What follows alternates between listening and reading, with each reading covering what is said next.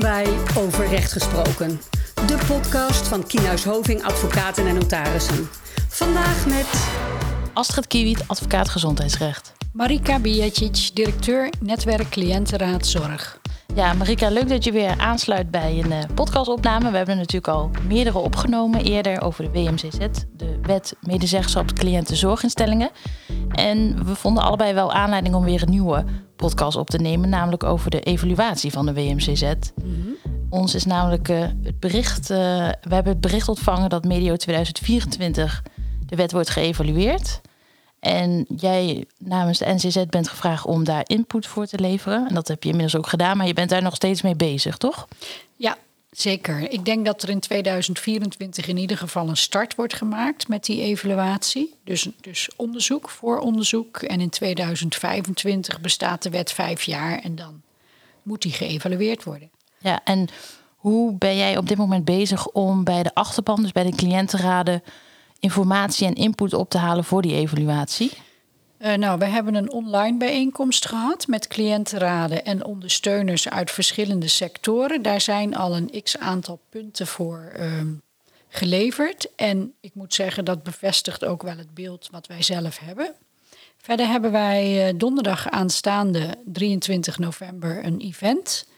En dat staat ook met name in het teken van de WMCZ en de evaluatie, de aankomende evaluatie. Dus ook daar hopen wij punten op te halen. Ja, en wij hebben zelf al wel wat aanbevelingen, toch? Dus ja, het, uh, zeker. Dus laten we daar een aantal van bespreken. En uh, nou, wie weet uh, wordt het meegenomen in de evaluatie.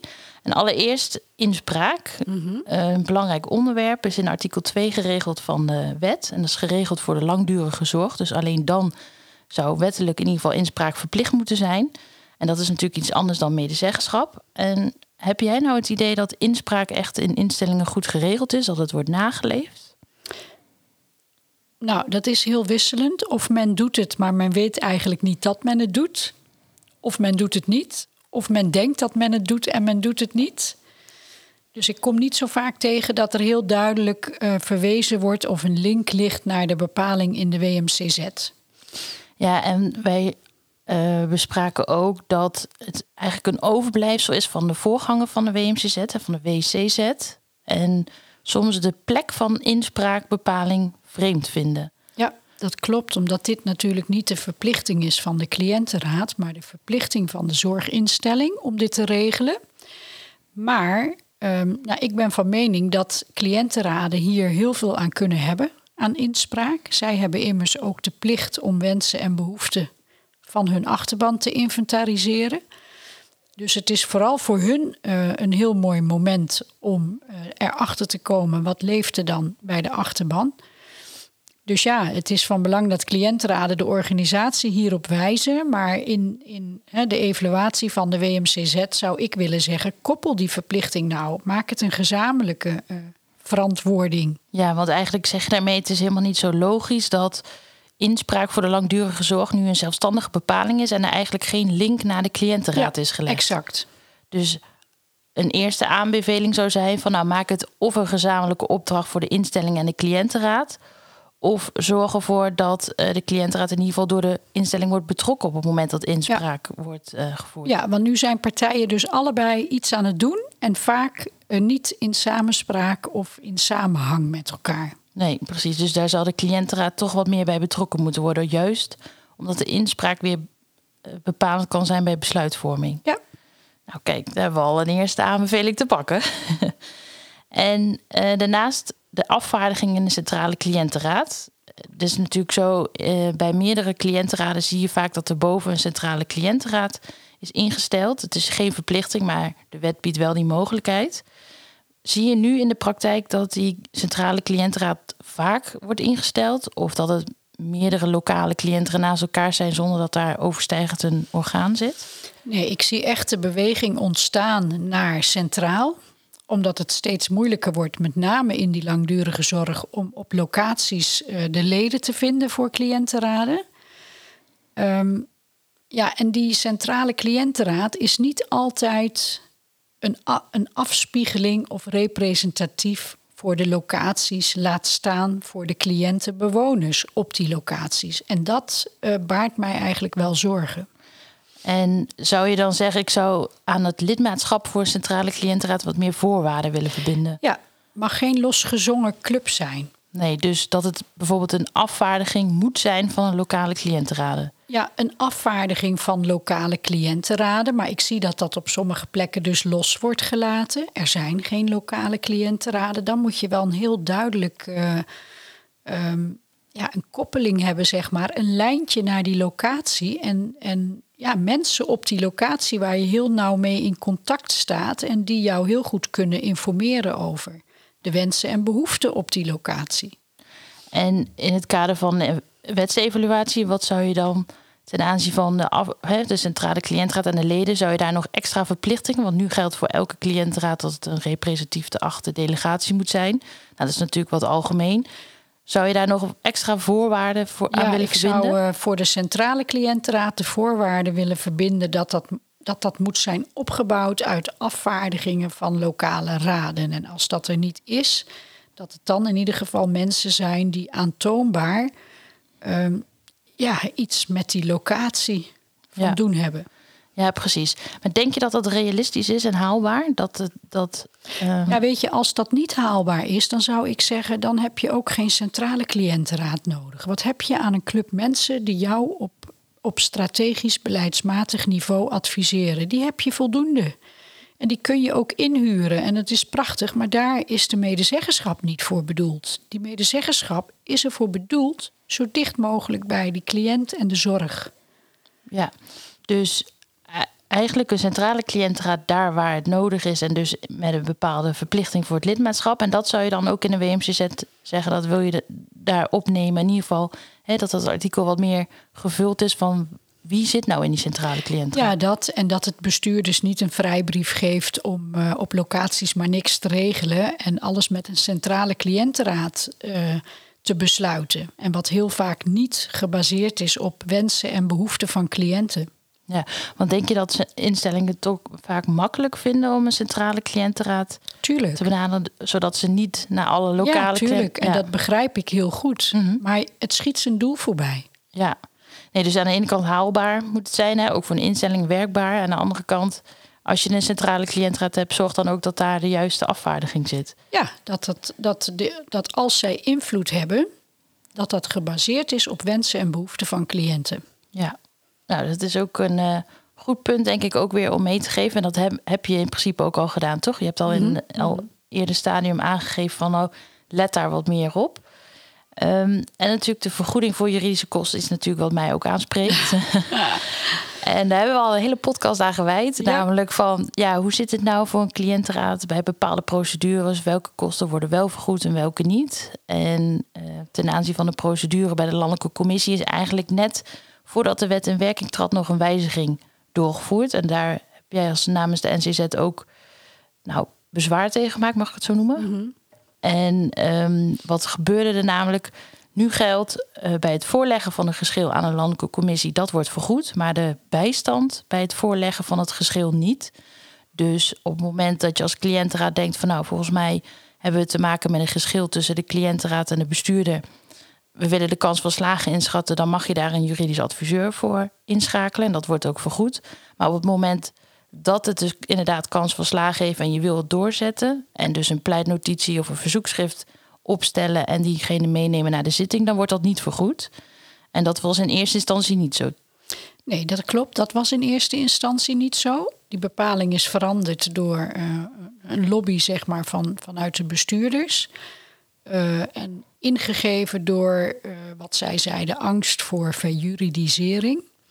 Ik ben destijds naar het ministerie geweest en heb de wet de wetgever, hè, degene die toen de wet heeft geschreven, die inmiddels niet meer bij VWS in dienst is, gevraagd wat hier precies werd bedoeld. Hè, welke kosten worden nou wel en welke kosten worden nou niet vergoed? En hij vertelde mij toen dat dat met name toezag op ter zitting gaan. Dus als je ter zitting gaat bij de geschillencommissie, dan moet het niet vanzelfsprekend zijn dat jij een advocaat bij je hebt. En dat heeft te maken met eh, ja, de angst voor verjuridisering. Het moet een gesprek zijn tussen beide partijen en niet een juridisch gevecht tussen uh, advocaten. Maar in de praktijk zie ik nu gebeuren dat het schrijven van de pleitnotitie of uh, het voorleggen van het geschil aan de commissie, dat dat allemaal wordt geschaard onder, ja, maar dat gaan we niet vergoeden, want dat heeft te maken met het voorleggen aan de commissie. En dan krijg je dus een stukje uh, rechtsongelijkheid. Ja, en vooral omdat je dan ziet dat aan de kant van de bestuurder wel een jurist of advocaat zit. Nou ja, vaak hebben zij een jurist in dienst of in huis of ze huren hem in. Ze zijn vaak zelf uh, academisch geschoold, misschien ook nog wel juridisch opgeleid. Dus dat is heel wat anders dan een club vrijwilligers. Ja, dat, die eigenlijk niet weet hoe het precies aan de juridische kant zit. Nee, die gewoon recht hebben op juridische ondersteuning. En uh, ja, die dus nu geen zaak durven voor te leggen uit angst dat zij zelf de kosten moeten gaan betalen. Ja, en die kosten die proef ik zelf ook wel eens. Dat ze toch terughoudend zijn van nou dan gaan we zelf maar naar de zitting. Want we weten niet zeker of we het vergoed krijgen. Ja. En zou je dan ervoor pleiten om eigenlijk de wet zoals die ooit geschreven is en daarna is gewijzigd om dat terug in te voeren? Ja, dat zou natuurlijk mijn uh, eerste voorkeur zijn. En maar als dat niet kan, en voorlopig is dat natuurlijk nog niet zo. Nee, we moeten het nog even doen met de WMCZ. Ja, we moeten het doen met zoals die er ligt. Zou ik alle cliëntenraden willen uh, aanraden. Neem in de medezeggenschapsregeling op dat op het moment dat de bestuurder een advocaat inhuurt of een advocaat meeneemt ter zitting, dat jij dat recht dan ook hebt en dat de organisatie dat dan moet betalen. Dus of je hebt allebei juridische bijstand of je hebt het allebei niet. Ja, precies. Zodat je rechtsgelijkheid wat ja. uh, meer in evenwicht is. Ja.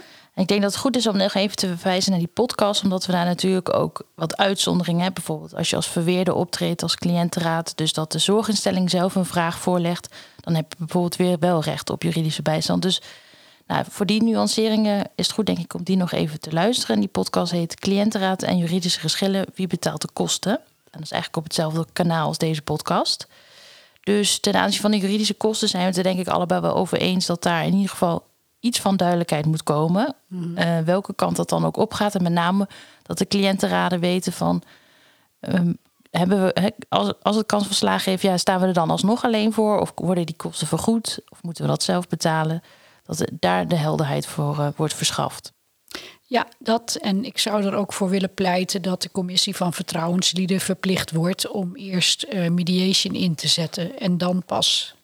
Ja, want ze hebben natuurlijk een bemiddelingsfunctie. Dus, ja. Maar uh, heb je het idee dat dat nog niet genoeg gedaan wordt? Dat er vaak meteen een geschil. Uh, van, ja, nou ja, als dus geschil wordt gekwalificeerd. De gevallen waar ik van weet, en er zijn ongetwijfeld ook veel gevallen waar ik niet van weet, maar de gevallen waar ik van weet en die ik spreek, heb ik toch niet het idee dat er eerst een poging is gedaan om te mediaten. Het is gewoon een geschil en zo wordt het ook behandeld. Ja, terwijl eigenlijk de gang naar de landelijke commissie of de commissie van vertrouwenslieden als laagdrempelig is bedoeld en niet uh, om meteen lijnrecht tegenover elkaar te staan. Ja, exact. Dus daar is nog wat winst te behalen. Zeker. En nou, dan hebben we ook nog het onderwerp uh, de uitzonderingen. Want er zijn natuurlijk ook instellingen en zorginstellingen die, die worden uitgezonderd van de WMCZ, hè, dus die in de besluit WMCZ staan.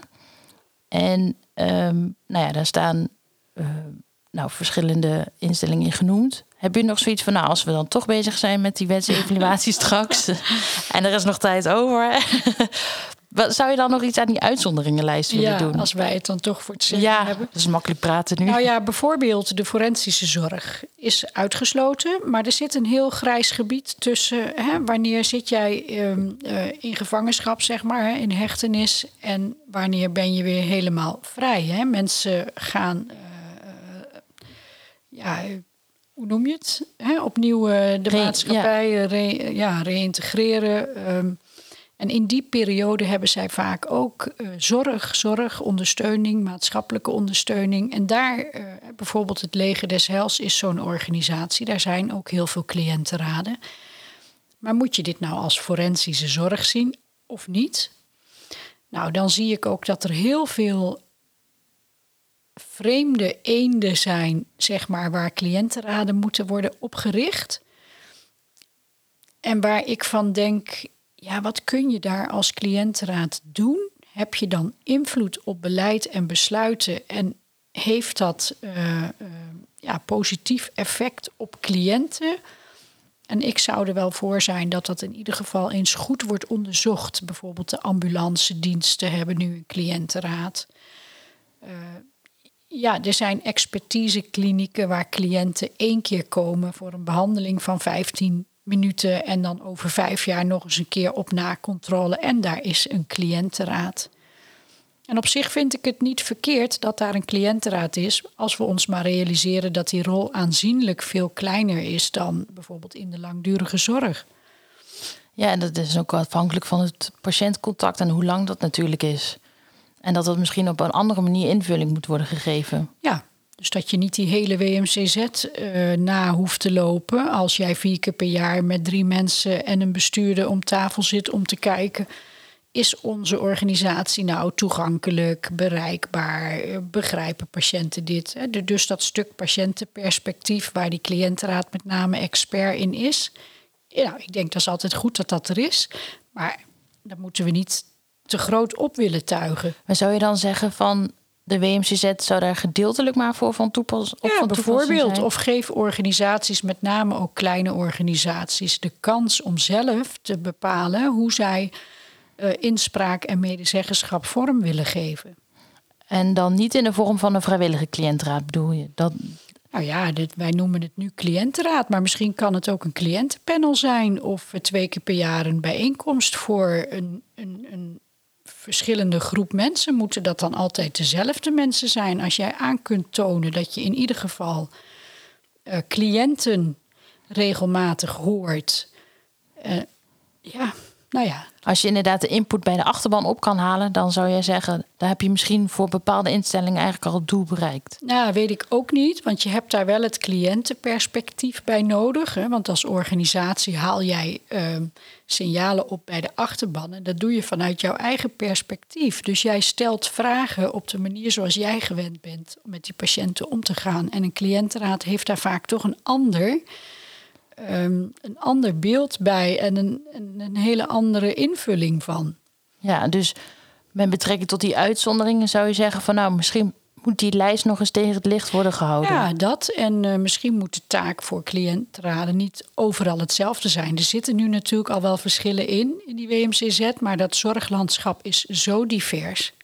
Ja, want op zich was het doel natuurlijk wel dat er meer maatwerk mogelijk zou zijn. Maar je zegt eigenlijk als ik, als ik het vrij vertaal, van nou, misschien is dat maatwerk nog niet genoeg in die wet. Nee, want nu hebben wij eerste lijn zorg. Uh, zorg daar waar men gemiddeld 24 uur of langer verblijft. En zorg daar waar men gemiddeld zes maanden of langer verblijft. Nou, tussen zes maanden en zes jaar zit natuurlijk ook al een heel groot gapend gat. Hè? Want sommige cliënten, met name kinderen, mensen met een hè, behoorlijke beperking, zitten soms jaren, ja. wonen jaren in een instelling waar zij zorg ontvangen. Maar het zorglandschap is zo divers. Dat, ja, dat kun je bijna niet in drie kolommen indelen. Nee, dat is ook zo. Nou ja, heel wat aanbevelingen zo, toch? We hebben al heel wat... Uh, boeiend. Ja, dat is ook zo. En wij kunnen het natuurlijk heel makkelijk zo vertellen achter een microfoon. Maar het moet natuurlijk ook uh, in het veld en met verschillende partijen moet het uh, uiteindelijk uh, geëvalueerd worden. Maar het is denk ik wel iets om ook cliëntenraden aan het denken te zetten, maar ook instellingen. Dus raad van bestuur van gewoon, hoe hebben wij de medezeggenschap? Dat is natuurlijk altijd goed om eens tussentijds te evalueren van loopt het eigenlijk wel, maar ook wat zouden wij nou anders willen zien in die WMCZ als ze met die evaluatie aan de gang gaan. En zou jij, heb je nog een oproep voor cliëntenraden? Kunnen ze nog ergens melden als ze nog input voor jou hebben? Ja, zeker. Ze kunnen ons natuurlijk altijd mailen met hun input. En uh, ja, dat kan via een contactformulier of de web, op de website. Of van de NCZ? Ja, van NCZ. Ja, oké.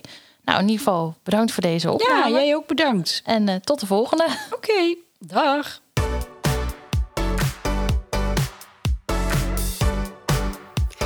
Dit was Overrecht Gesproken, de podcast van Kienhuis Hoving. Heb je vragen of wil je meer informatie? Stuur dan een e-mail naar podcast.kienhuishoving.nl Wil je niets missen? Abonneer je dan op onze podcast via jouw favoriete podcast-app.